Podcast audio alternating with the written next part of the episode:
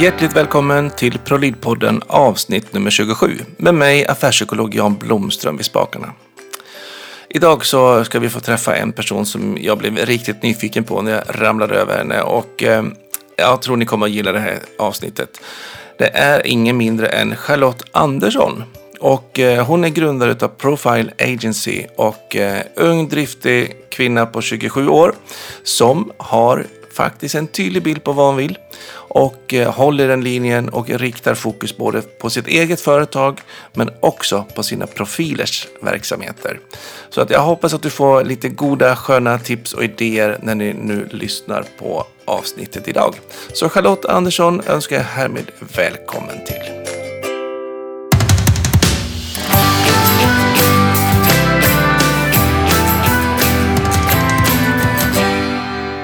Ja, hjärtligt välkommen då säger jag till ProLid-podden, Charlotte Andersson. Tack så jättemycket. Vad gött att du kunde komma med.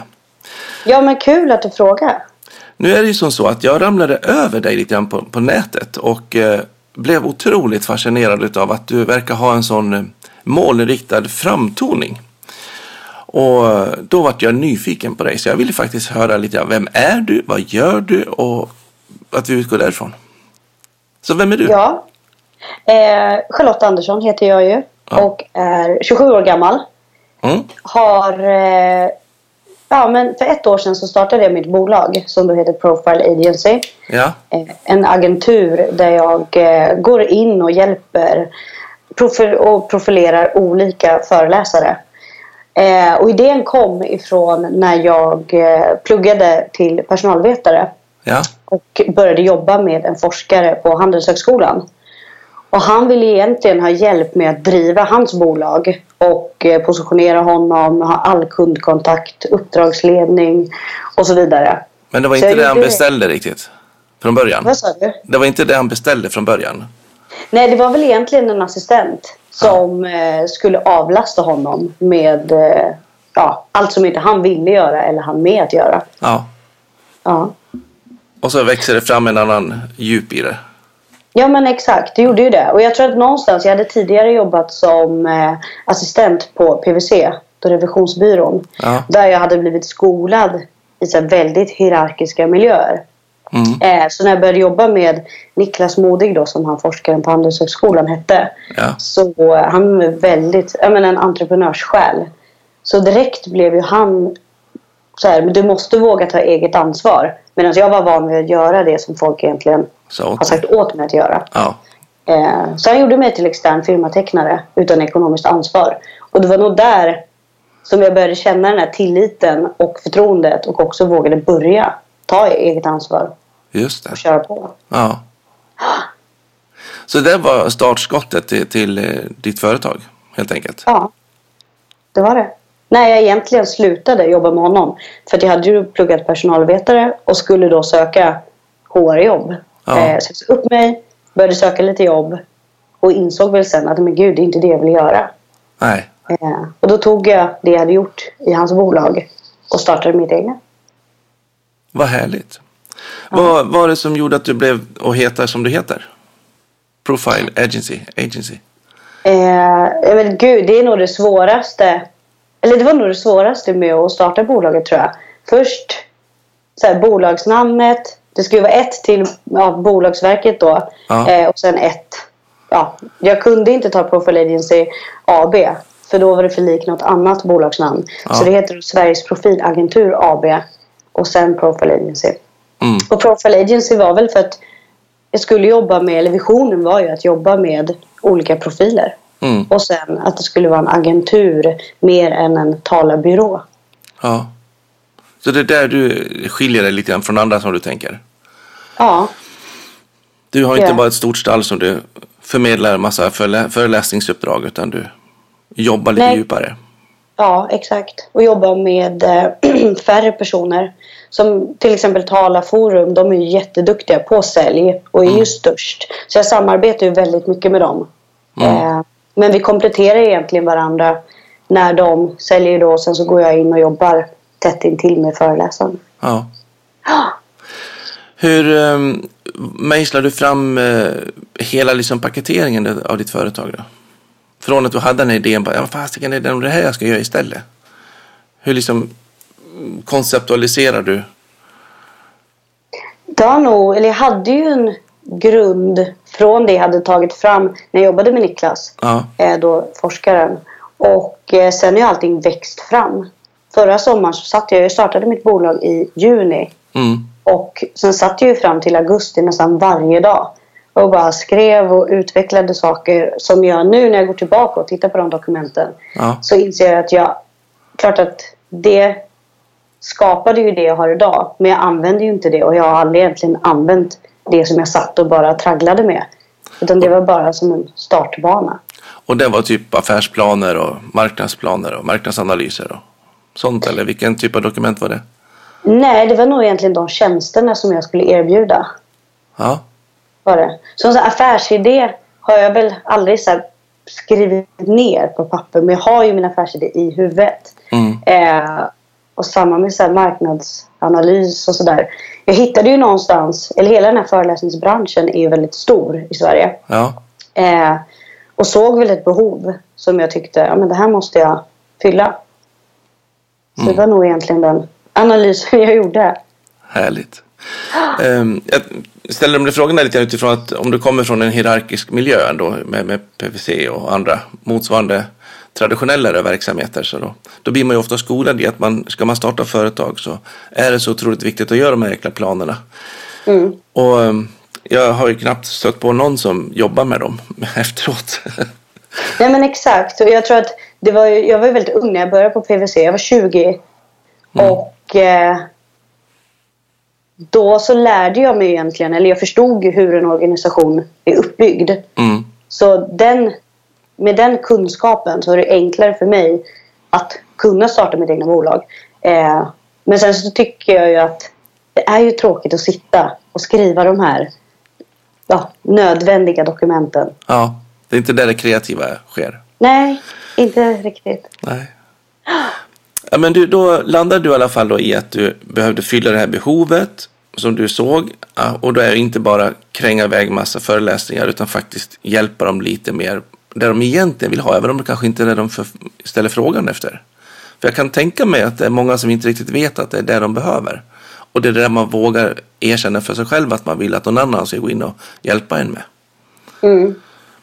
Men jag tror att som föreläsare så är man ju, även fast man åker ut och har väldigt mycket uppdrag, träffar väldigt mycket människor och föreläser för publik publiker från 100 personer till 600 personer så är man ju väldigt ensam. Mm. De flesta beskriver ju det att de sitter i en taxi till flygplatsen så flyger de, sen åker de med taxi till föreläsningen, är där och sen åker de tillbaka. Men de Ja. är väldigt ensamma. Mm.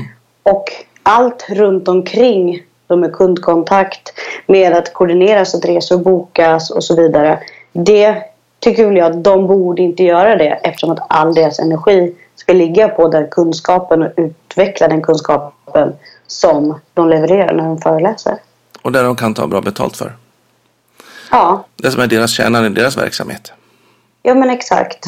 Och det blir ett bättre helhets... Kunden blir ju nöjdare om det både är en föreläsning i toppklass och en kundservice runt omkring där de känner sig väldigt speciella och utvalda. Mm. Det här är ju en egenskap som jag tänker gäller även om man inte är bara föreläsare eller profil, liksom enskild, utan i alla företag, alla arbetsplatser, att man faktiskt funderar igenom lite grann. Vad är det jag gör mest nytta någonstans? Vad är det min kunskap genererar till kärnaffären i vår verksamhet? Och det är vinst på sista raden där vi kan fakturera eller om det är samhällsnytta, om det är ett kommunalt verksamhet till exempel. Så det Ja, handlar om att våga verkligen vara, vara trygg i det och, och liksom diskutera det öppet i grupperna. Att faktiskt, vad, vad är, vart gör jag mest nytta någonstans? Ja men exakt. Och sen så tror jag att det handlar väldigt mycket om den här att inte ha någon prestige. Nej, Att man är prestigelös. Att ja men okej det här är den personen, den gör det och jag gör det här men jag är faktiskt bäst på det och tillsammans skapar vi en ännu starkare helhet. ja. Jag har med mig oftast en, en alltså man hämtar inspiration från så många olika ställen. Men eh, en sån här enkel så här mat, eh, restaurangakut tv-program. Sån där, som alla kockarna som åker runt och räddar restauranger som går dåligt. Eh, En av de allra första tror jag, den första säsongen där, så var det jättelänge sedan, jag var inte så gammal då. Eh, så var det i alla fall en som var ute och skulle hjälpa någon liten kvinna som hade en liten restaurang. Och hon kämpade med ekonomin och stod där bak och rörde grytorna hela tiden i köket. Och det, hon hade liksom inte råd med så mycket personal så hon gjorde allt liksom.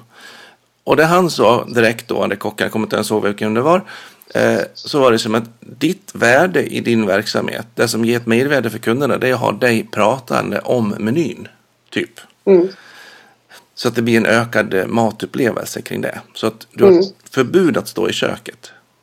Och det gav vi ett jättelyft. Och då tänkte jag, ja, det är precis så där det är.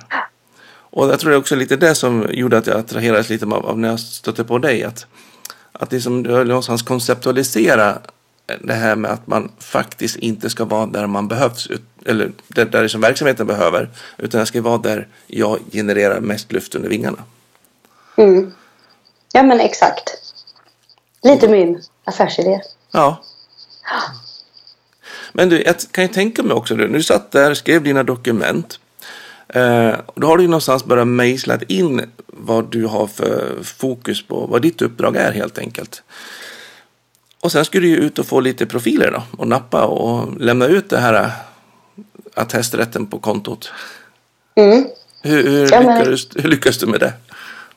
Eh, min första kund då, Martin Sköld, är eh, forskare vid Handelshögskolan. Ja, Så att han var då kollega med den eh, personen då, Niklas, som jag jobbade med under min studietid. mm, Så jag hade ju ändå ett kontaktnät inom Handels. Och eh, det blev egentligen ett projekt som vi signade där jag skulle hjälpa honom. Han, skulle, han hade skrivit en bok som han skulle publicera via ett självpubliceringsbolag. Ja. Samt att lansera den här tillsammans med Bindefält och Handelshögskolan. mm, Så jag projektledde hela det projektet då med boken och lanseringen från i augusti till november. Eh, Så det var egentligen min första kund. ja, Och eh, sen har jag ju någonstans ja, men, skrivit ner ett dokument med personer som jag vill jobba med. ja, Eh, och den första där var Per Holknekt. mm, Så då, då så, jag skrev till honom på LinkedIn och sen så träffades vi på ett eh, café i Stockholm. Eh, han, var ju, han har berättat det nu i efterhand att han var väldigt skeptisk. Han tänkte så här, oj vad är det där för ung blond tjej? Men eh, det är ju, allting handlar ju om att någon vågar ge en chansen. mm. Så att, Så man får en chans att visa att man, vad man går för. ja men exakt. Så jag tror att hade Martin aldrig vågat ge mig chansen då hade nog Per kanske aldrig tänkt att om hon har en kund, det en person som är inom det här området. Så det blir som en, en dominoeffekt tror jag. Mm. Mm. gäller att få den första Och det är läskigt. referensen. Ja. Men det är ju läskigt att kasta sig ut där och sälja sig själv. För att, eh, ja men som sagt, eftersom jag jobbat som assistent tidigare på ett stort bolag och sen då, ja, han forskaren på Handelshögskolan under min studietid. Och sen nu så har jag ju alltid ändå hjälpt till i bakgrunden. Mm. Och att vara den personen som är, man ska sälja sig själv är svårare än att sälja någon annan. Verkligen. Det, så är det. Så är det. Ja. Så det har väl varit en av de största utmaningarna. Men eh, det var någon, en, gång så sa någon till mig så här. Ja men det är Charlotte, testa bara att luta dig lite längre fram. För då kommer du behöva gå ett steg framåt. Ja. Och det funkar det. Ja, det gör ju det. Ja. Sen blir det, ibland får man nej. Men då, eh, så här, ta det inte personligt utan checka av, jag vågade fråga och så går man vidare. Och ska man vara riktigt krass så oftast blir det ju nej. Väl? Ja, Eller beror på hur ofta du frågar kanske. ja men exakt. Jo men oftast blir det nog nej. Eller det är väl nog, ja. Av olika anledningar tänker jag. Att ibland är det inte rätt timing, ibland är det liksom fel koncept man har och ibland så har, är de inte rätt för en själv eller vad det nu kan vara. Nej men exakt. Nej. Ja men jo det blir nog nej. Alltså ofta låter det så... Det, nej, det, Det lät negativare än vad det ja, kanske det lät, Ja exakt. nej. Ja, men jag skulle nog säga att ibland blir det ja ibland blir det nej. Ja. Om man är optimistisk. Och det jag tänkte också i det att man inte behöver vara rädd för att det blir ett nej. För att jag upplever många när man ska ut och söka upp sig själv, eller söka, upp- man, det, det är ju en utmaning i sig, söka upp sig själv. Men, men att man ska söka upp sina kunder och samarbetspartners och sånt där. Så många är så rädd för att få ett nej så att man vågar liksom inte ta de här stegen. Och så Nej. låter man bli det för att det kommer säkert bli nej. Men eh, avdramatisera, att de där nejerna behöver man inte ens tänka på att de blev ett nej, utan de händer ibland och sen så går man på de som blir ja. För Jag det måste det- som ett, ett lyckande istället för misslyckande. Att jag vågade faktiskt fråga Ja. och sen också sätta dem, punkta upp dem i list, på en lista och sen följa upp ett halvår senare, ett år senare. För Ja. deras situation kanske ändras också. Precis, och då blir det rätt timing istället. Och sen tycker jag också att om man då bara gör en, en rapar upp en lista med massa namn som man säger, men här ska vara coola. Eh, ja, men då blir det säkert lite mycket nej. Men sätter man av lite tid och funderar igenom varför vill jag ha dem? Vad är syftet? Vad är det jag har sett hos dem? Vad, vad är win-win om vi ska samarbeta? Ja, men då har du ju plötsligt mycket färre nej. Ja men exakt. För att jag kan ju tänka mig att oavsett vilken du träffar, för det känner jag i alla fall när man ska träffa någon. Och så säger man, du jag har använt en del tid till att fundera kring dig och mig. Skulle du vilja höra? Mm. Och det är nästan aldrig någon som säger nej. Det vill inte jag höra. Utan Nej, men vill exakt. De, då vill de ju ta del av vad man har kommit fram till. Eh, Men man måste ju någonstans be om, om tillåtelse först och få dem att efterfråga det. Och då kommer det ju Ja liksom... men exakt. Och jag tror att en av dem... Ja. ja. En av de eh, föreläsarna som jag jobbar med, Lisa Ekström Mm. heter hon. Eh, hon, har, eh, hon tar upp det i sina föreläsningar och har väl en sån här poäng som jag använder varenda dag till allting. Och det är att man ska hela tiden ska byta perspektiv. Så att när jag väl kontaktar en kund så utgår inte jag ifrån mig själv. Utan jag utgår från okay, men hur många föreläsningar har den här personen. Ja. Hur mycket syns han i media eller hon i media. Och sen så som en behovsanalys på den personen. Mm. Men på ett enklare sätt så går, byter jag egentligen bara perspektiv och tänker men vad skulle jag kunna hjälpa den här människan med? Istället för att tänka eh, ja, men de här tjänsterna har jag och försöka sälja på dem så att det mer blir anpassat. Mm. Ja. Jag har haft eh, en annan gäst här som heter Matt eh, Fågelqvist. Mats Fågelqvist. Som eh, pratar Mm. om att eh, sluta sälja utan hjälp kunden att köpa. Ur ett säljperspektiv. Mm. Och egentligen är det ju, ja det är ju också försäljning i och för sig, men också att man faktiskt är genuint ärligt intresserad av att försöka att hjälpa den personen man har framför sig. ja men exakt.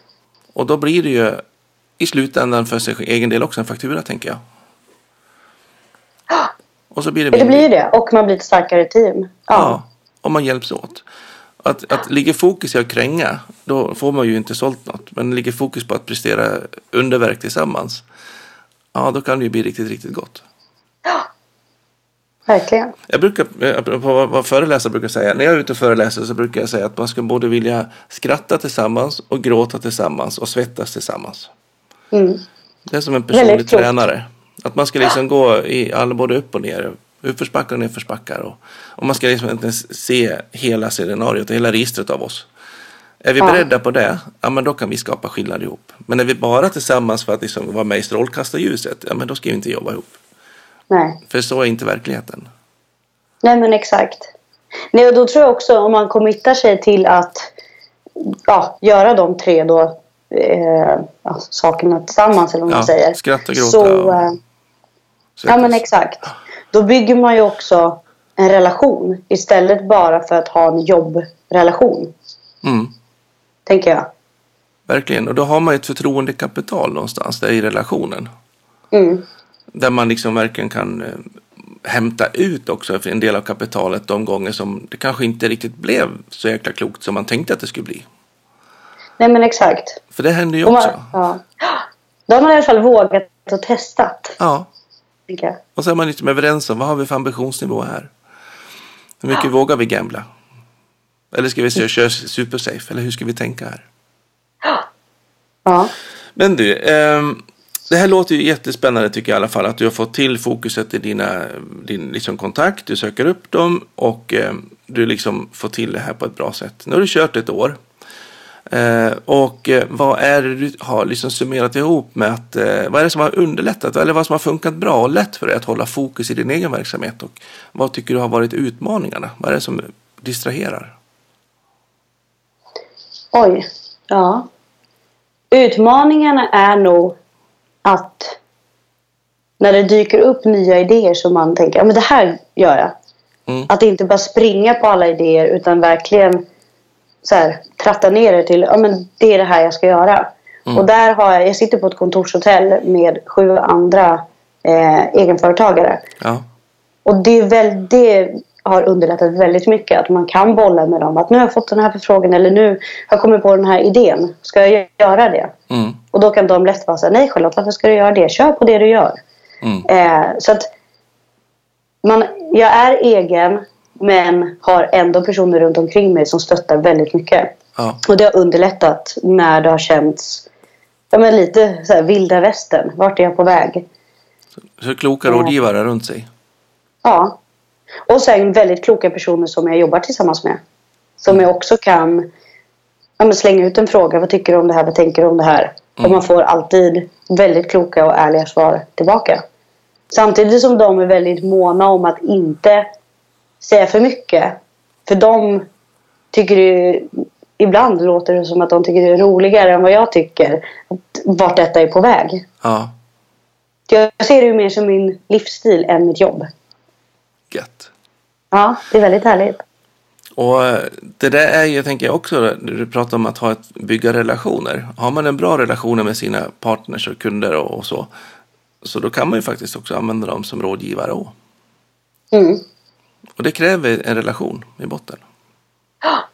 Nej, men jag tror att det är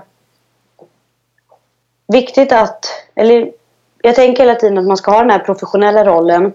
Men samtidigt så blir jag ju väldigt god vän med dem jag jobbar med. Men Mm. att man kan switcha av och switcha på det. Och verkligen känna att okej, men nu är det jobb och nu kan vi skämta lite. Ja, Och det tror jag vi, ja, på alla jobb är det väldigt viktigt. För man är ju på jobbet den, ja, mesta, den mesta delen av sin vakna tid. ja. Mm. Och den här medvetenheten i att eh, den goda relationen vi har, den baserar sig i grunden på en affärsuppgörelse. Mm. Så länge den fortsätter så, så är det primärt är vi ett jobb som ska göras mot någon typ av ersättning. Ja. Den, den liksom ligger i grunden. Och sen kan det ju vara så att man fortsätter umgås även fast man avslutar affärsrelationen. Men, då- men då vet man ju det. Så att man gör de medvetna valen, tänker jag. I hur ser vi på relationen och vad är grundstommen i vår rela- relation? ja, men exakt. Så att man inte förväntar sig att ja, men vi är ju bästisar, så vi behöver väl inte. Eller något sånt. Ja, men exakt. Ja. Ehm, Du har ju som mål att inte ha så många, har jag förstått. Utan ha några få profiler att jobba med. Eh, hur lätt har det varit att eh, välja bort de som bara vill ha den här förmedlartjänsten och verkligen få, fånga upp och få dem att vilja lägga lite djupare relationsarbete med dig? Upplever du? I början var det väldigt, väldigt jobbigt. Eh, just för att det är jobbigt att säga nej. Och Ja. man behöver ju också få in pengarna i bolaget. Men samtidigt så... Eh, man går ju på några nitlotter. Det gör man alltid. Mm. Och eh, de första gångerna var det väldigt, väldigt jobbigt att säga nej. Sen så har väl jag insett att, att det här är ju så pass... Det här är ju liksom min lilla grej. Mm. Och börjar jag plocka in och göra saker som inte jag är kanske bra på eller som andra då gör bättre Mm. så eh, kommer jag tappa motivationen. Mm. Och det var det jag kände någon gång i höstas. Och då kände jag så här, nej men gud, nu håller jag på att tappa det här helt. Mm. Eh, och då så... Eh, då, fin- då har man ju inget val. Då är det bara att luta sig lite längre fram så tar man det där steget. Mm. Ja, Eller du har ju ett val. Det är att inte luta sig fram och ta det där steget. Och så blir Ja. man slokörad, utbränd, man blir bitter, man blir loj. Som man ser på så många arbetsplatser idag. ja. Så att alla ni som lyssnar så är det ett jätteråd. Så märker ni att ni ute håller på att tappa det så luta er fram och, och gå för det. ja men Man- exakt. Tillbaks Ja. i fokuset. Vad, vad, vad vill jag egentligen? Vad är jag bra på? Ja. ja. Och sen så tror jag också, många kan väl, eller många, några har kontaktat mig där de då vill ha den här förmedlingen som genererar fler föreläsningar. Eh, och vill då att jag ska ja, men kanske sälja dem och så vidare. Och då hänvisar jag alltid till då talarförmedlingar och säger att jag är inte bäst på det. De här är faktiskt bättre Mm. på det. Så att jag, eh, också det här med prestigelösheten. Jag tror att jag under min tid på PVC så stötte jag på väldigt många som eh, blev väldigt imponerade över att jag jobbade på ett sånt bolag. Ja. Och sen när de fick höra att jag var assistent så var det så här, aha. Ja. Så bara det. Och det har ju triggat mig väldigt mycket också. Att så här, men nu ska jag visa de här människorna som... Ja, Härligt. Alltså jag, Ja. jag, utbildade, jag är psykolog i botten och utbildade mig i Norge. Mm. Och, och där har ju liksom psykologutbildning och sånt där hemskt hög status. Så man använder ofta psykologer som bas för rekrytering av chefstjänster och så.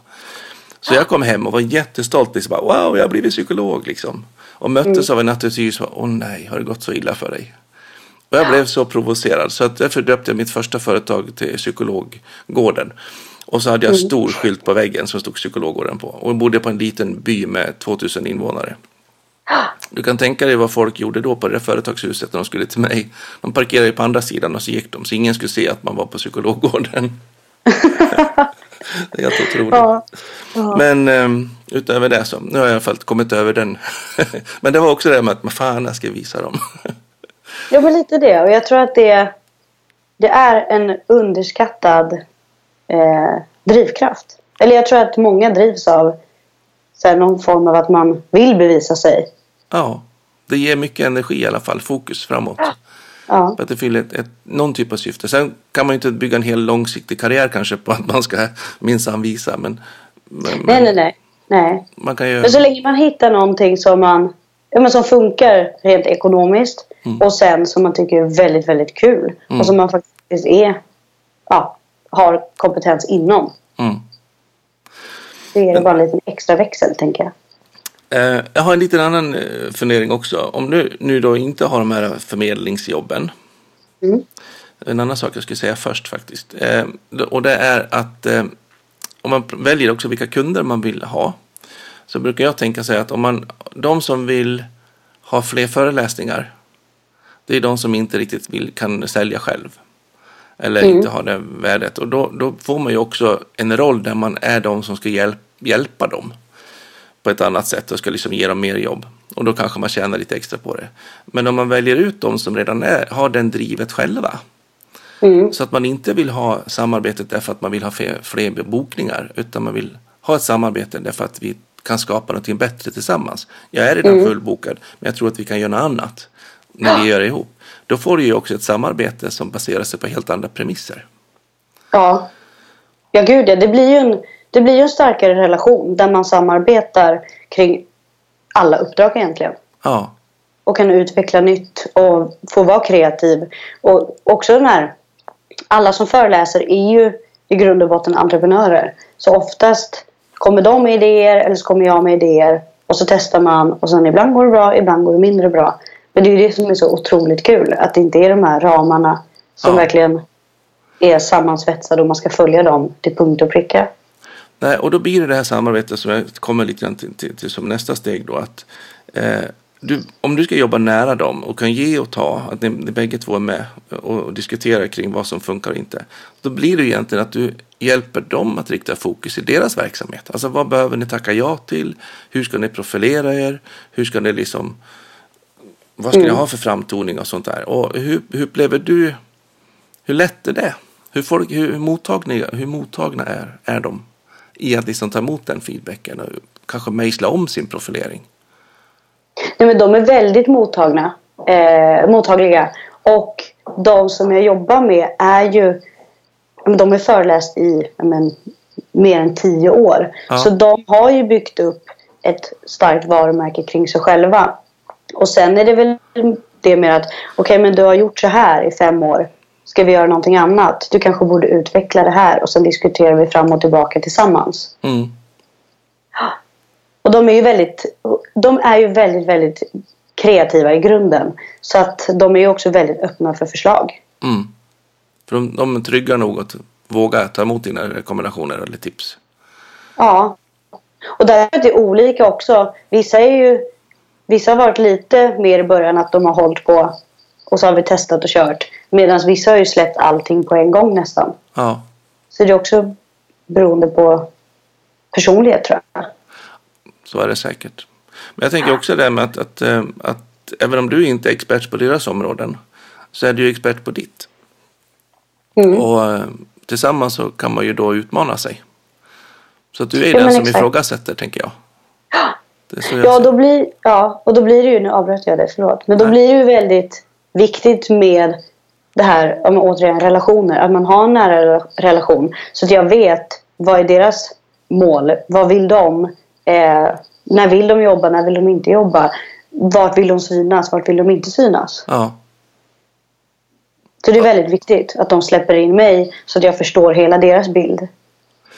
och det är viktigt att du vill vara där. Ja, tänker jag, att du är frågvis och att du bryr dig. Och för det är någonting så känner jag, jag tänker liksom om, vad skulle hända om du skulle ställa de frågorna till mig? Ehm, så skulle jag ju ganska snabbt känna om du menar allvar med det eller inte. mm. Om du verkligen är intresserad och verkligen vill ta del av det. Eller om du frågar för att du liksom har läst in det på ett manus, att det så ska du göra. Så den äktheten måste ju vara en otrolig essens, tänker jag, i ditt upplägg. Ja. Det, ja, jo men det absolut. Och det kommer ju från att jag tycker att det är väldigt, väldigt kul. Så jag är ju i grunden väldigt nyfiken. Och sen älskar jag när saker och ting händer. Jag trivs ju i ett så organiserat kaos, brukar jag säga. Ja. Eh, ja. Ehm, vad är det som du får kämpa hårdast med då, mot dem? Dina profiler. Åh, gud vilken svår fråga. Och det ser väl olika ut i och för sig, men Jo, men det gör ju det. Samtidigt så tror jag att det... Nu har vi ändå byggt upp ett så pass bra samarbete eh, där vi... Ja, men så här, det här hjälper jag till med, det här kanske jag inte hjälper till med och så vidare. Så det svåraste är nog de personerna som kommer och vill att jag ska sälja. ja. Det tror jag. De, jag tror inte jag har så mycket utmaningar med dem jag jobbar med. Nej. Nej. Vad, skö- skön summering. ja. Ja. är det någonting som eh, de vägrar att gå med på då? Att det där området, det, det, det kommer du inte in på, bara backa. Liksom. Eller vad, vad stöter du på för någonting i det? Nej, ingenting. Jag kan väl ibland ge förslag. Att jag tycker vi ska göra så här. Då kanske de men vänder tillbaka. Men jättebra förslag. Eh, inte just nu. Vi tar det sen. Mm. Och då känner jag, jag känner ju av om okej, det här kanske inte var en så bra idé. Och då slopar jag den. Eller så hör jag mig lite senare och säger Hörru, nu ska vi köra igång med det här. Ja. Så det är ju verkligen att jag jobbar väldigt, väldigt nära dem om man är ett team. Så att jag tror ändå att jag har lärt mig att känna av vad, eh, ja, men vad de förväntar sig. Och de vet nog också vad jag förväntar mig av dem. ja. Upplever du att eh, de profiler som du har, hur många profiler jobbar du med idag förresten? Jag har sex stycken som jag jobbar med. Ja. Och tre av dem jobbar jag väldigt nära Ja. tillsammans med. Ja. Och eh, upplever du att de liksom, att du försöker få dem att eh, bli en profile agency inriktning på dem? Eller är det så att du jobbar med sex helt olika paketeringar mot dem? Det är sex helt olika. Det är ju, de är ju, jag har väl någonstans satt en sån här standard eller ram eller ja, en regel att de inte ska konkurrera med varandra. Mm. Eh, så de har ju olika fält där de föreläser. Sen går det ihop när det är inspirationsföreläsningar. Eh, så jag tror någonstans att Profile Agency blir ju agenturen men deras varumärke är ju det som egentligen kunden bokar. Mm.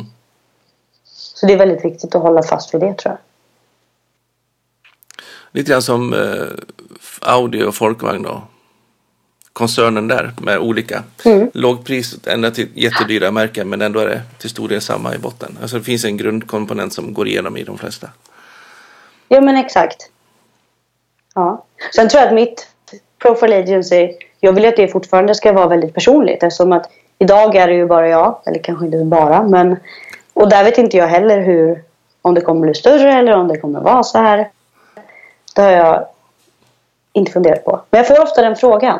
Ja, Ja. men vad ser du dig själv om fem år? Ja, Jag här, men jag har ingen aning. Och det är väldigt skönt kan jag tycka. Jag har ju såklart i bakhuvudet en vision och en målbild. Eh, men just nu är det väldigt skönt ja. att försöka. Eh, jag var i en annan eh, verksamhet som också hade som mål att inte vara stora. Och så blev de stora, men då hade de massa små bubblor istället så att de var små i varje enhet. Så att de Ja, kunde ha kvar exakt. lillheten ändå, men ändå kunna skala upp det.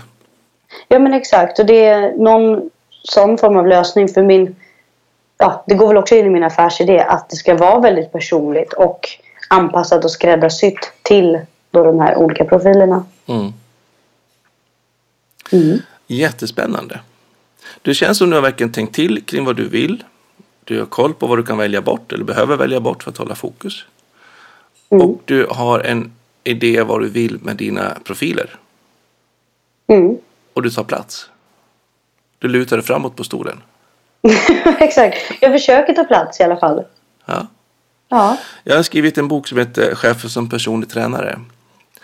Och jag ser den bild, liksom, tanken där mycket med också hur du pratar om att du är ju liksom verkligen den här personliga tränaren gentemot dina profiler som liksom utmanar, får dem att prestera VM-guld någonstans och kliva upp överst på prispallen. Men du kan aldrig göra deras jobb. Ni kan heller aldrig konkurrera om vem som ska liksom få cred. Utan det är alltid föreläsaren eller dina profiler som ska liksom skina. Mm. Men de skulle aldrig kunna göra det utan dig. Eller ja, Nej. kanske de kan, men inte lika bra. I alla fall. Nej. Nej, och de är väldigt, väldigt, just så som du, det du beskriver, så är de ju väldigt, väldigt generösa med att berätta för mig hur, eh, hur glada de är och hur bra de tycker att det funkar. Mm. Och så, vidare. så det är också väldigt tacksamt att jobba med personer som både kan visa jag menar, att det här kanske inte var så bra men också att det här gjorde du jättebra och vårt team är det bästa. Mm.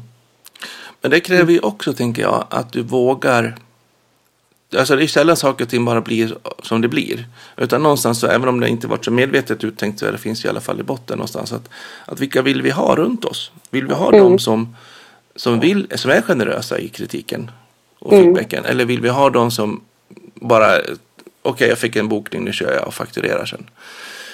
Där har du ju liksom också att, att vi har ett urval, tänker jag, i sina kunder och samarbetspartners. Och sen och våga sätta kraven på dem. Men ska ni jobba med mig så vill jag faktiskt att det ska vara det här miljö, det klimatet runt vårt samarbete.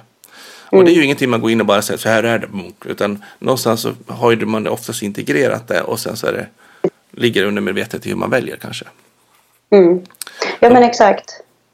För där attraherar man ju också andra. Alltså med din framtoning, eller med, med, har man en framtoning som är speciell så blir man ju attraherad av viss typ av personer. Har man en annan framtoning så attraherar man av andra. För just det med att få feedbacken. Jag träffar på så mycket chefer och sånt där som säger, ja men de säger aldrig någon feedback. Och så ser man lite grann på hur de, när de får en feedback, hur reagerar man då? Och så går man i försvar eller man, liksom, man hugger tillbaka på något sätt. Ja men då får man ju ingen feedback heller som är bra. Nej. Utan det gäller ju också att kunna ta emot den här och känna att ja, men det är ett vi, en vi-känsla. Mm. Trots att jag har hemskt olika uppdrag. Jag hade en sån incident med en av mina kunder när vi började jobba tillsammans. Och vi skrattar åt det väldigt mycket idag. Så det är inga hard feelings. Men där jag eh, faktiskt sa att nej men du, jag tror inte det här funkar. Mm. Och det var jättejobbigt. Jag kommer ihåg att jag skickade mejlet sent på kvällen. Eh, jag hade sån ångest bara. Eh, dagen efter så ringde personen upp mig. Och vi hade en dialog kring vad eh, jag inte tyckte funkade och så vidare. Ja. Och det visade sig ju bara vara ett missförstånd. Mm. Och idag funkar det hur bra som helst.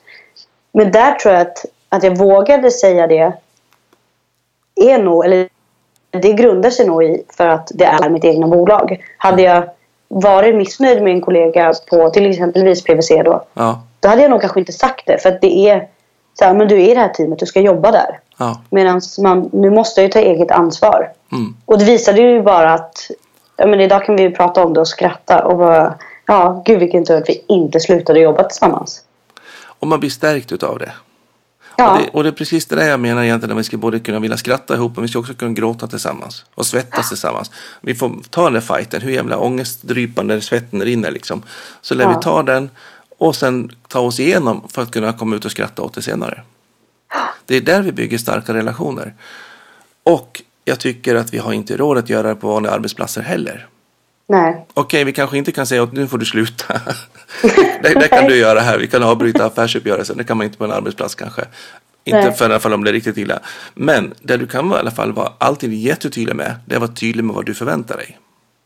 Jag Ja, men exakt. upplever, jag förväntar mig, jag skulle önska. Där kan du vara supertydlig. Det kan alla på alla arbetsplatser vara. Mm. Och det, gör ju, det är faktiskt där vi flyttar de flesta positionerna när det gäller önskat beteende på en arbetsplats. Vi behöver sällan faktiskt gå till de här strukturella bryta kontrakt och uppsägningar eller avtal. Utan det handlar om att kommunicera vad vi förväntar för beteende. Mm. Men där är vi jätteförsiktiga. Ja. Och vi, Ja. vi blir dessvärre, som tur är, lite mer hjälpta när vi känner att shit, det är mitt företag och det här, här kommer jag inte att kunna driva om inte vi hittar en lösning på det här. Nej men exakt, då har man inget annat val. Nej, man blir tvingad. Annars kommer motivationen försvinna. Ja, Ja. och då är det bara att packa ihop.